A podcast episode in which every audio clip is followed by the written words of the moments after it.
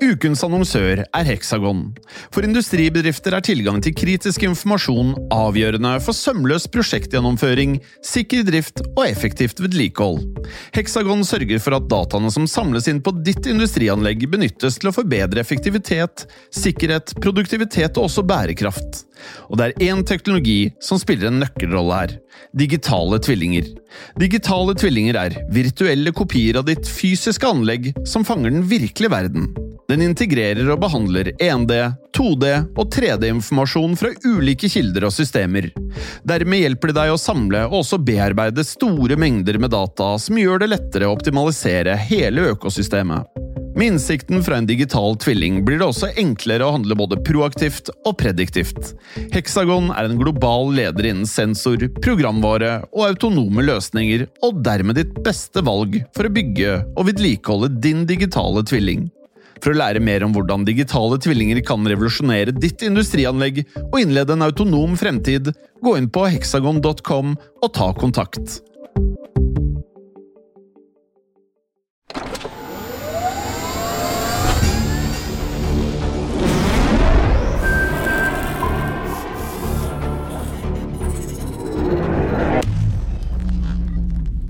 Du hører på Teknisk sett, en podkast fra TU. Mitt navn er Jan Moberg, og jeg sitter i studio med Odd-Rikard Valmot. Hei, Jan.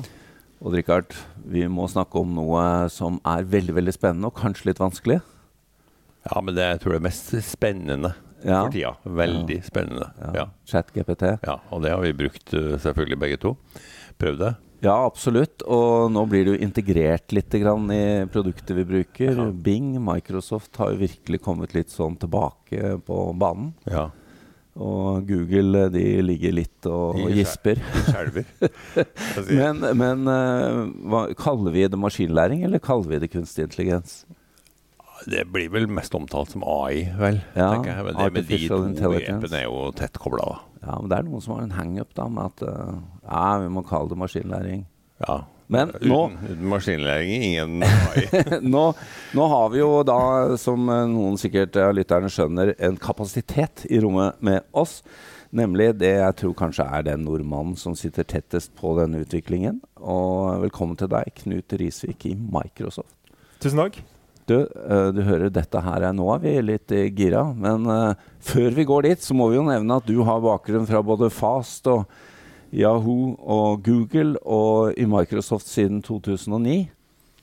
Det stemmer. Vært eh, veldig privilegert å få lov å være med på, på søkemotorutvikling fra en veldig veldig sped begynnelse og sett uh, stor innovasjon i Norge og etter hvert globalt. Men vi må jo spørre deg, fordi dette Fast Search and Transfer-miljøet fra hva var det, midten av 90-tallet det, vi, vi tenker kanskje ikke på alt som har kommet derfra, men det må jo ha vært utrolig spennende start. det, det var en fantastisk start. Vi hadde eh, en liten tilbakeblikk her. Vi hadde et sånn 50-årsjubileum for Institutt for datateknikk på, på NTNU. ja. Eh, og Da holdt jeg et innlegg. Eh, og Da bladde jeg en del i, i gamle artikler. Det var jo mye snakk om fast i, i media når vi, når vi starta det. Mm. Og professor Arne Halås, som var min veileder og vår alles eh, store mentor, han uttalte en gang at eh, det her var i 6-97 eller noe sånt. Så at en gang i framtida folkens, så kommer vi til å si Husker dere den gangen vi bare søkte på nøkkelord? Ja. Og det, det måtte jeg ta fram når jeg holdt den Når sa han det? Han sa det i 97, tror jeg. Fantastisk. Ja, jeg tror det var et intervju med han i, i eh, Jeg lurer på om det var i VG, faktisk, at uh, Ja. han sto fram og, og sa det. Og han var på det 50-årsjubileumet. og Så at, eh, det, det var stor visdom, Arne, at du klarte å, å si det da. For nå begynner vi å nærme oss det punktet. Ja. Og det, det, det er ikke gitt alle professorer å være så visjonær, eller teknologer for den del. Nei. Men eh, Knut, du, du har jo da etter hvert eh, Du jobbet i Fast Search and Transfer da de solgte til Yahoo først søkemotoren, så ble du med dit, og så var du i Google, og så ble du hentet av gamle kjente til Microsoft i 2009. Og siden har du jobbet sentralt i Microsoft. eh, mellom, eh, ja, litt i Norge og, og mye på headquarter. Da er det litt sånn at du tenkte at nei, jeg vil være på headquarter hvis jeg først skal ha den jobben? Ja, det, når eh, jeg begynte der, så var det en av de, de store eh, attraksjonene at jeg fikk Ja. lov å sitte der og, I Bellevue i Washington i, i State. Bellevue, Washington State. Mm. Og følte på et stort, eh, stort hovedkontor og stemninga og energien som var der. Så siden da så har jeg faktisk pendla på en sånn 14 dagers basis frem og tilbake Ja. der, og etablert en liten base der òg. Høres slitsomt ut, men ja, men det, det høres som jeg, jeg har jo vært mye der borte i studietida og ellers, så jeg syns jo det høres litt som å få litt fra det beste fra to verdener, da. Ja, du får det. Og, og, og bitte litt jetlag. Ja, bitte litt jetlag, ja, men det klarer du å håndtere etter hvert. Ja. Men eh, da du begynte der borte i 2009 For vi må jo ende opp her og snakke om ChatGPT. For Mhm. det er jo men, men hvordan kom vi dit? Ja, hvordan kom vi dit? Uh, vi starta jo med En av de store tingene på, på søkefronten i rundt 2009. Det var uh, noe som heter for machine learned ranking. Jeg stilte et spørsmål tidligere Ja, om det er på ja. machine learning eller, eller AI. Men det å, å finne ut hvordan du sorterer treffene sant? Du gjør et søk på to, tre, fire, fem nøkkelord, og så får du titusenvis av treff. Hvem skal være øverst? ja. Uh, og det er en kunnskap som har eksistert siden 70-tallet med professor Scholten, og det var TF, IDF, som var metrikker og alt mulig sånt for å. Og det holdt ikke i mål etter hvert, så man begynte liksom å bare generere masse egenskaper med treffene og lage sånn få en maskinlæringsmodell til å finne ut hva skal være øverst her, hva klikker Ja. folk mest på, hva, hva blir vi mest glad i. Så det var på en måte en sånn start der søkemotorene pusha grensa for maskinlæring, og etter, etter hvert AI. Når det var populært å kalle det AI sant, i 2009, så, så skulle ingenting hete AI. Det, da, det var fortsatt vinter da. eh, men så, så begynte ting å komme. Man, man oppdaga at eh, nevrale nettverk faktisk var, var veldig bra igjen. Vi introduserte det i ranking og fikk et, eh, en, en Mm. boost på det. Og så tok jo det her av. Og kanskje var stemmegjenkjenning en av de applikasjonene som virkelig pusha, pusha terskelen for, eh, for nevrale nettverk. Stor breakthrough med deep learning. Og vi tenkte Ja. fryktelig lenge på hva kan vi bruke det til. sant? Ja. Det, det, det, Tallgjenkjenning var det en opplagt ting. Hvordan putter vi det inn i søk? Da begynte det å nærme seg stavekontroll, forslag til, til nye spørsmål uh, osv. kom opp. Så det, det, det bygde seg på en måte inn fra, fra sidene, men, men selve kjernen av søk har liksom alltid vært der med finn sidene som inneholder det her ordene du spurte etter. Helt til, til man begynte å se at man kunne eh, ta de modellene man har brukt for oversettelse, sant, og utvide dem videre. og Så begynte man å få noe gjennombrudd. Egentlig De siste årene så har vi sett store store gjennombrudd på, på språkmodeller. Jeg tenker at det her er jo en, en kunnskapskjerne som eh, vi, vi burde snu på det. Sant? Vi, vi må bruke kunnskapskjernen først, og så fòrer vi den med Mm. informasjon Mm. på alt vi har på nettet. Så det er på en måte en total invertering av hvordan man har laga søkemotor før. Og det er i ferd med å bevege seg ut mot den store publiken nå. Det er jo det. du, Vi bruker jo GPT-modeller, eller GPT4-modell fra OpenAI på, på Bing, og, har hatt et samarbeid med dem de siste, siste par årene. Men det har vært snakk om at GPT3, som for en måte var Mhm. noe av det vi første vi fikk Ja. kjennskap til, Mhm. det var en relativt liten modell. Inneholdt relativt lite kunnskap. Og GPT4 er vesentlig større. Mhm. Når kommer vi dit hen at, at vi, når vi søker, så inneholder det alt på nettet? Ja, det, det gjør du i dag, altså i den grad du kan, du kan si at du inneholder alt, alt på nettet. Men, men Bing har en, eh, en stor andel av det vi tror finnes på nett. Ja. Eh, og den bruker da resultatene fra nettet som en kontekst inn til, til den modellen, Mm. GPT4.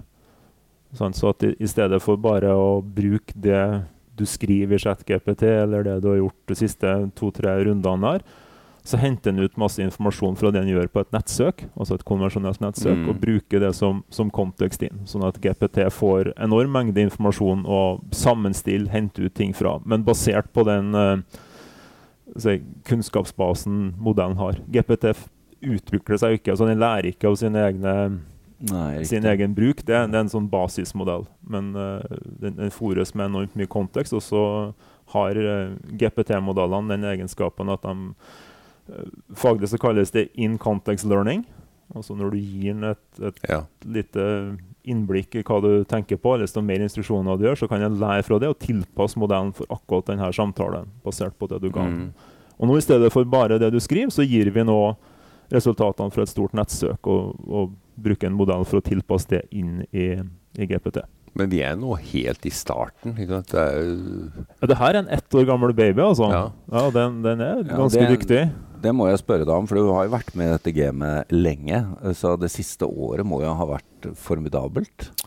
Det har vært det. Altså, bare det å få ta i den modellen her, skulle du si, Ja. og, og bruke den, har vært uh, en enorm wow. Men òg på de metrikkene på kvalitet og relevans vi bruker i Bing, så har vi sett enorme boost. Altså ikke, ikke bare i den chatten, men det vi kan bruke denne modellen til ellers òg. Så, så vi har sett eh, en eksponentiell taktøkning, så det har vært veldig givende. Og når du først sitter på headquarter i Bellevue hos Microsoft, så må det være litt Altså Microsoft har jo tapt en del slag opp igjennom òg. vi snakket om mobiltelefonen her. Den vant de Ja. jo ikke. nei. Nå er vi litt på vinner, vinnersporet her. Det må jo være litt, det skaper litt trøkk.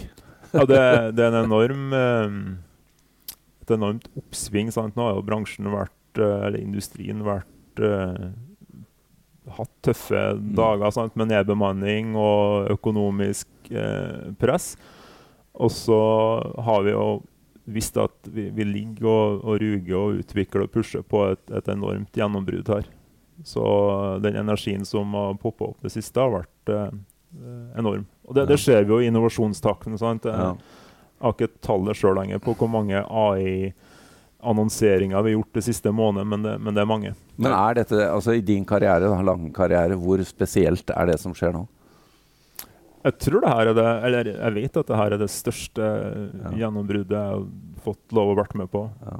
Så langt. Mm, Så det, Det sier ikke lite.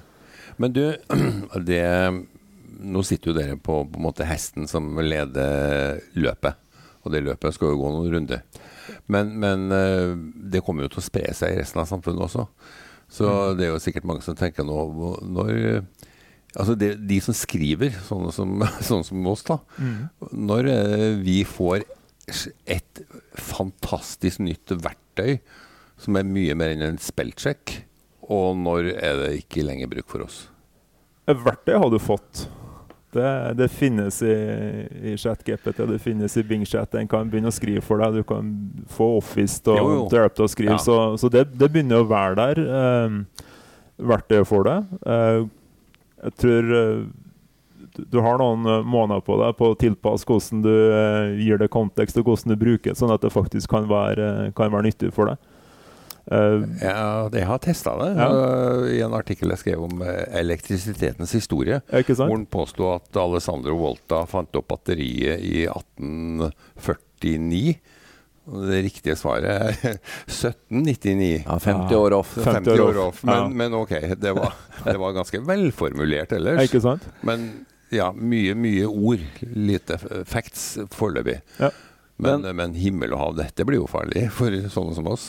Du kan jo se et, et fantastisk godt eksempel. Uh, jeg har ikke fått lest hele boka ennå, men Reed Hoffman, uh, styreleder i LinkedIn, Ja, uh, hadde også tilgang til GPT4 i en tidlig fase. ja, Og han publiserte en bok som var skrevet av GPT4 nettopp. Mm. yes.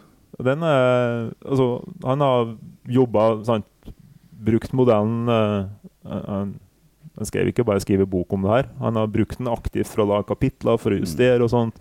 Men det er en, en fantastisk god illustrasjon på hvordan han har klart å bruke et verktøy til å generere noe som sannsynligvis er middels pluss uh, Ja. litterær, uh, litterært verk. Du var jo inne på det før sending, Knut, at du ser på dette her fortsatt som en uh, god co-pilot for, uh, for oss mennesker. Ja, Det er akkurat det det er. Det, Ja. det her er æraen av, av co-piloter som er, er, er i gang. Vi ser det på søk. Sant?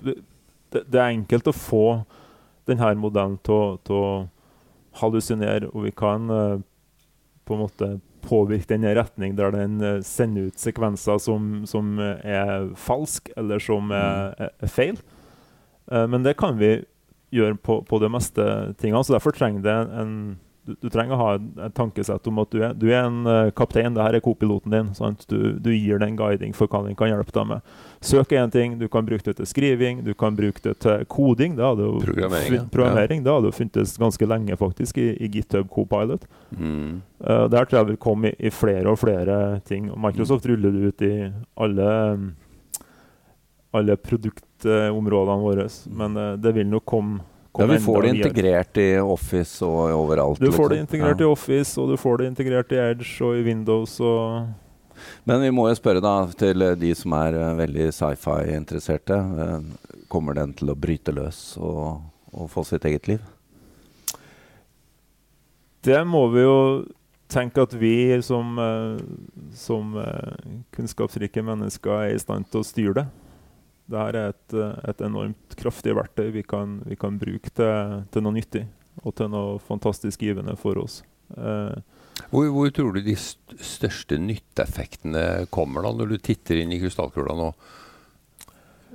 Én uh, ting er skriving, men hvis du ser bort fra det?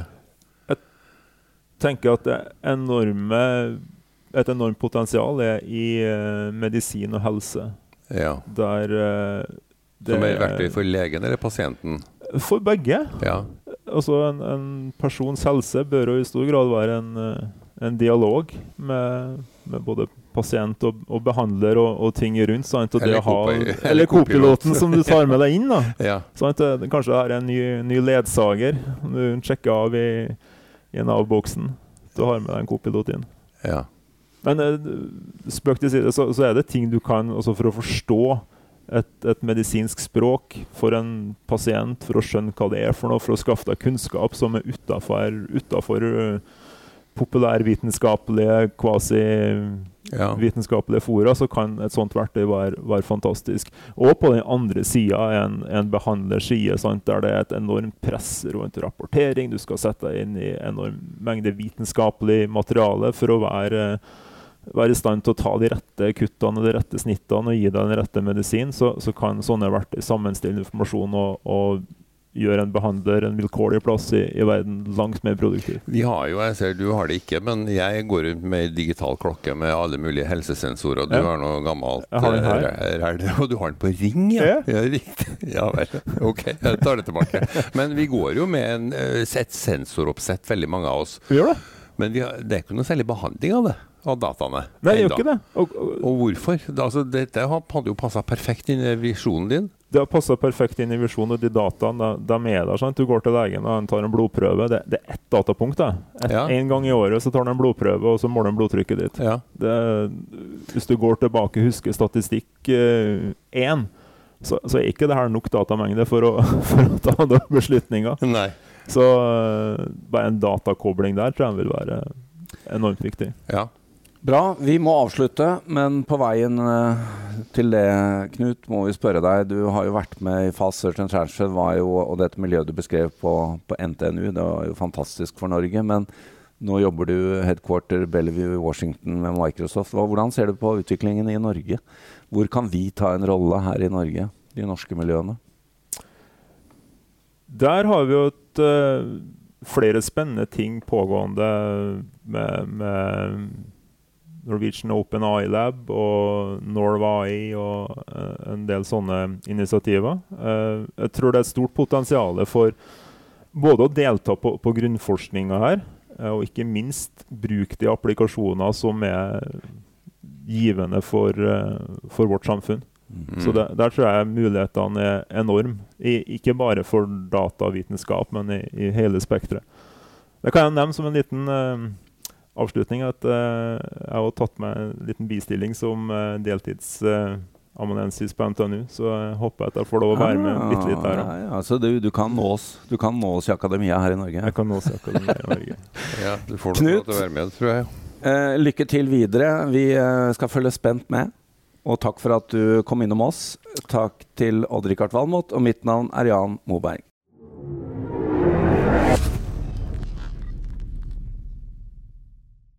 Hallo?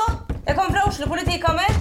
Ine Jansen er purk. Er du purk? The motherfucking bitch. Alt jeg vil, er å finne ut hva som skjedde med mannen min. Jon Carew. Er jeg sikta for noe? Iben Akeli. Det er du.